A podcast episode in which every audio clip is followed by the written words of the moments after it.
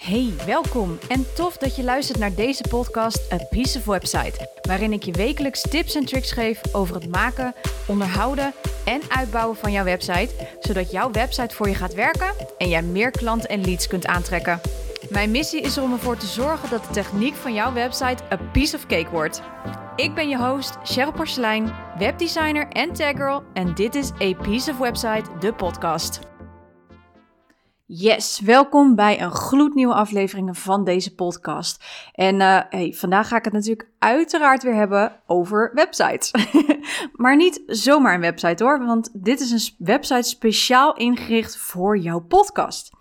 Nou, as we speak ben ik bezig achter de schermen voor, met het opzetten voor de website die volledig is ingericht voor mijn podcast. Nou, hij is bijna klaar. Hij staat al live, dus je kan even kijken op apieceofwebsite.nl. En uh, ik ben er druk mee bezig om daar ja, alles aan toe te voegen wat ik tot nu toe heb gemaakt en uh, wat er nog extra bij komt, eventueel later. Um, ja, wat is daar nou zo handig aan? En ik hoor je denken, of misschien denk je wel, ik moet er nog een website naast, dan moet ik het allemaal weer onderhouden. Ik heb aan één website wel genoeg. Weet je, I hear you. Je moet het natuurlijk ook allemaal bijhouden. Maar je kunt hier uiteraard kiezen voor twee opties. De eerste optie is dat je je podcastafleveringen op je bestaande website plaatst. Zo houd je gewoon maar één website die je moet onderhouden. Of, nummer twee, je besluit dat je toch een aparte website hiervoor inricht, zoals ik dat bijvoorbeeld doe. Nou, wat is hier de reden van? Dat ga ik je natuurlijk vertellen. Want er zitten een aantal voordelen aan het creëren van in ieder geval een omgeving. En of je dat nou kiest ervoor om dat op je bestaande website te plaatsen of net zoals ik op een nieuwe website. Beide opties zijn goed en ze zijn vooral ook heel interessant. Nou, voordat we in details treden en ik je de vier redenen ga geven, wil ik nog even dit zeggen. Het is altijd goed om de domeinnaam van je podcast vast te leggen bij een hostingpartij. Ook al besluit je namelijk om er geen volledige website op te bouwen, je claimt daarmee in ieder geval je domeinnaam. Je kunt daarmee Um, je kunt er daarvoor bijvoorbeeld voor kiezen om je uh, de URL door te sturen naar je huidige website. Maar in ieder geval geeft dat aan dat de site gewoon bezet is en dat die niet van jou of dat die van jou is en niet meer beschikbaar is voor een ander. Dus dat geeft ook aan um, als iemand bijvoorbeeld dezelfde naam heeft als jij of iemand heeft het idee voor eenzelfde naam als jij, meestal checkt deze persoon, althans dat doe ik wel, of deze URL nog beschikbaar is zo niet, dan betekent dat dat ik naar een andere naam moet gaan zoeken. En daardoor kan het ook niet zo heel snel meer afgepakt worden. En zul je ook, um, ja, tenzij er natuurlijk merkregistratie of een patent op zit, maar dat helpt wel uh, wat makkelijker te voorkomen dat andere mensen uh, dezelfde podcast, website of bedrijfsnaam kunnen gebruiken want vaak doe je eerst onderzoek om te kijken of bepaalde URL's nog vrij zijn. niemand wil dezelfde namen gebruiken. We willen gewoon echt niet geassocieerd worden met een bepaald bedrijf, terwijl wij iets heel anders doen. Uh, en, of juist helemaal iets hetzelfde en de concurrentie er vandoor gaat met onze klanten. Dat willen we absoluut niet. Um, tenzij het echt niet anders kan, maar ja, dat, dat zal niet zo heel snel gebeuren. Dus dat is ook een zorg voor een andere keer. Oké, nou, genoeg hierover. Uh, ik ga vier redenen met je delen waarom je een van de twee opties zou moeten kiezen. Um, en laten we natuurlijk gewoon beginnen met nummer 1. Je creëert hier je volledige eigen platform mee. Ik heb zowel voor mijn blog als voor mijn podcast nu een aparte website gemaakt. Dat doe ik omdat ik daardoor het overzicht hou binnen de websites. Dat is, vind ik, vind dat heel prettig. Als ik alle podcasts en blogs die ik tot nu toe de afgelopen 10 jaar heb gemaakt, en het afgelopen jaar natuurlijk tijdens deze podcast, dan zou dat betekenen dat mijn website echt mega groot aan het worden is. En al is überhaupt. Nou is er niets mis met een grote website, alleen ik vind het zelf niet handig omdat ik dan te veel moet zoeken binnen mijn bestaande content en als ik iets moet aanpassen, plus dat er natuurlijk ook nog aanbod op staat en allerlei pagina's, uh, sales pages en dat soort dingen. En ik, ik, ik zelf wil dat heel graag uh, gescheiden houden, zodat ik daar ook echt het onderscheid in maak van marketing website, blog en podcast website. Nou, wat bedoel ik eigenlijk met het stuk eigen platform? Het is eigenlijk gewoon letterlijk wat ik zeg. Je creëert hier je eigen omgeving mee.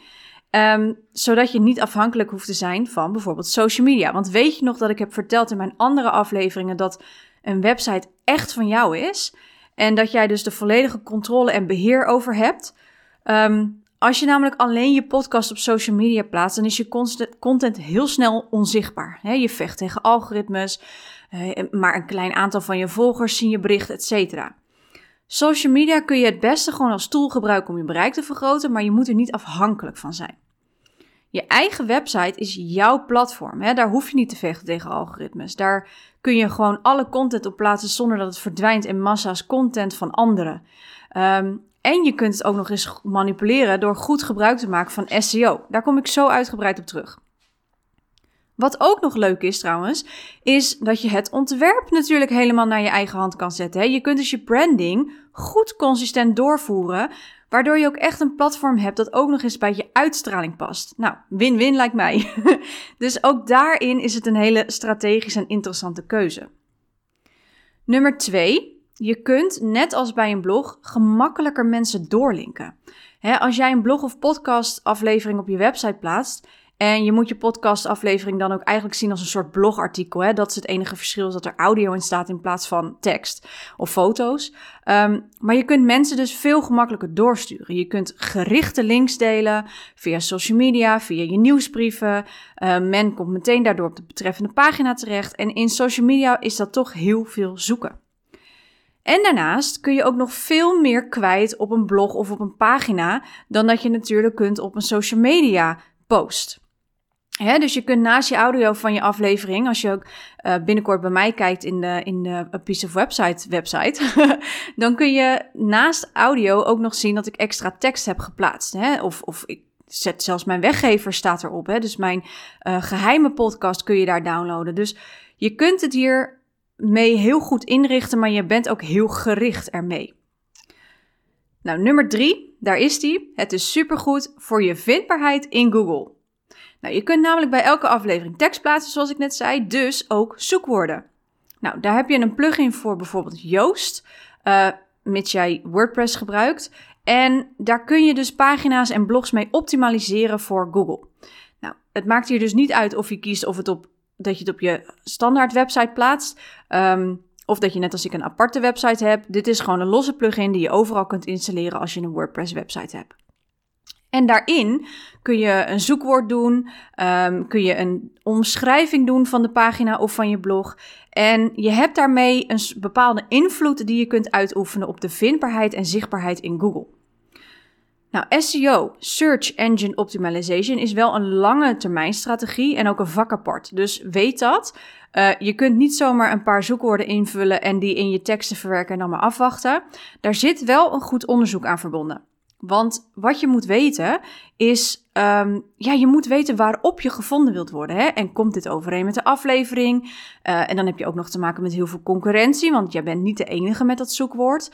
Um, ja, daarom is het belangrijk dat het goed resoneert met jouw podcastaflevering of je blog in dit geval. Um, en als de zoekwoorden, et cetera, goed overeenkomen met jouw artikel of dat je wat aangeeft wat je podcast vertelt, dan zal iemand langer op je pagina blijven omdat het overeenkomt met de zoekopdracht die ze in Google hebben opgegeven. Nou, heel simpel gezegd, hoe vaker dit gebeurt en hoe langer men op die pagina blijft, hoe fijner Google dit vindt. Want dit bewijst dat die, die zoekopdracht, hè, die, die de persoon in dit geval in Google heeft uh, geplaatst, matcht met de content die zij hebben gekregen van jouw website. Daar krijg je bonuspunten voor, om het zo maar even te noemen. Je komt daardoor hoger in Google en zelfs kan het zodanig zijn dat uh, hoe vaker dit gebeurt, hoe beter, hoe beter, hoe beter, dat je op de eerste pagina terechtkomt en misschien zelfs maar bovenaan. Maar nogmaals, dit is een lange termijn strategie. Dit gebeurt niet in een week. Dit zijn, dan moet je het hebben over maanden soms. Um, het kost je ook wel echt even tijd om hier goed mee overweg te kunnen. Er zijn hier bedrijven gespecialiseerd in. En die hebben ook tools om te kunnen zien van welke zoekwoorden zijn relevant. Um, welke zoekwoorden hebben heel veel concurrentie en juist niet. Um, maar uiteindelijk zal dit je heel veel gaan opleveren. Dus het is zaak dat je hier wel even heel goed onderzoek in doet. Of dat je bepaalt om dit met een bedrijf hier, die hierin gespecialiseerd is, um, ja, aan uit te besteden of samen te doen. Ja? Nou, als laatste nummer vier. Je kunt mensen onder de aflevering laten reageren. dus eigenlijk kun je reviews verzamelen. Ook goed voor Google onder andere. Het laatste voordeel is um, het voordeel van het hebben van je eigen website voor je podcast is dat je mensen onder je aflevering zelf kunt laten reageren. Net zoals als je bij een gewone blog ziet, uh, heb je zo'n, kun je gewoon een, uh, een, uh, een, hoe noem je dat? Een, een, reactiebox plaatsen in je website. En dit is uiteindelijk ook weer goed voor Google, omdat men daar onbewust de zoekwoorden in plaatst. Hè. Het geeft een, een, een meestal als mensen een review achterlaten, dan zeggen ze bepaalde woorden die matchen met wat er in de podcast gezegd wordt, bijvoorbeeld. En omdat het van een ander is, maakt het ook natuurlijk weer geloofwaardiger. Nou, daarnaast, het enige platform dat namelijk reviews kan hebben voor je podcast is iTunes.